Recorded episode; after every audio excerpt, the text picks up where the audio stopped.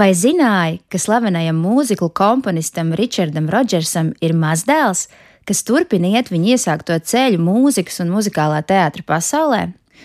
Ričards Rodžers ir viens no 20. gadsimta pazīstamākajiem amerikāņu komponistiem.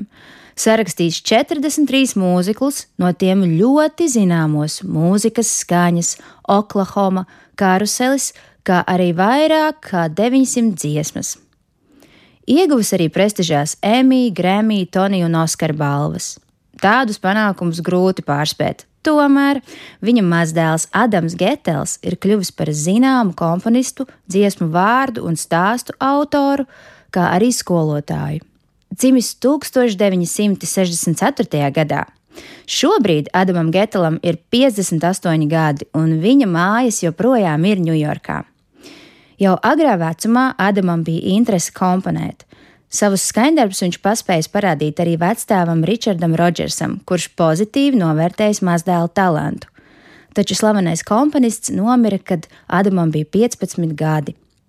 Vidusskolas un koledžas laikā Adams spēlēja basģitāru dažādās rokgrupās un džēza apvienībās, bet vēlāk saprata, ka muzikālā teātra žanrs un kompozīcija ir viņa īstais aicinājums, un viņš turpināja iegūt izglītību prestižajā Juilliard skolā Ņujorkā.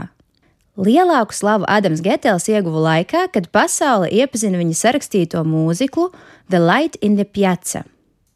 Mūzikls piedzīvoja savu Broadway pirmizrādi 2005. gadā.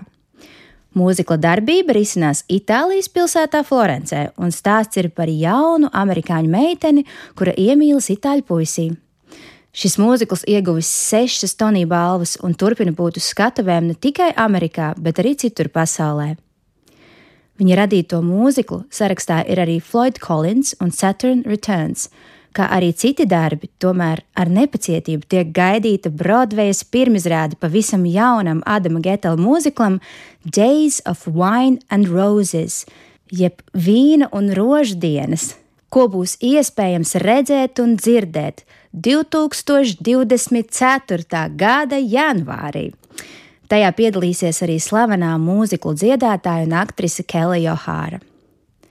Adams Getels iedvesmojies ne tikai no savu vecstāvu Richarda Rodžersa radītajiem darbiem, bet arī no tādiem komponistiem kā Benjamins Britens, Igors Stravinskis, Stevens Sonheims, arī dziedātājs un komponists Stevijs Vanders, kā arī Bjorka un vēl daudziem citiem māksliniekiem, ne tikai mūzikas jomā, bet arī arhitektūrā, žurnālistikā un mākslas vēsturē.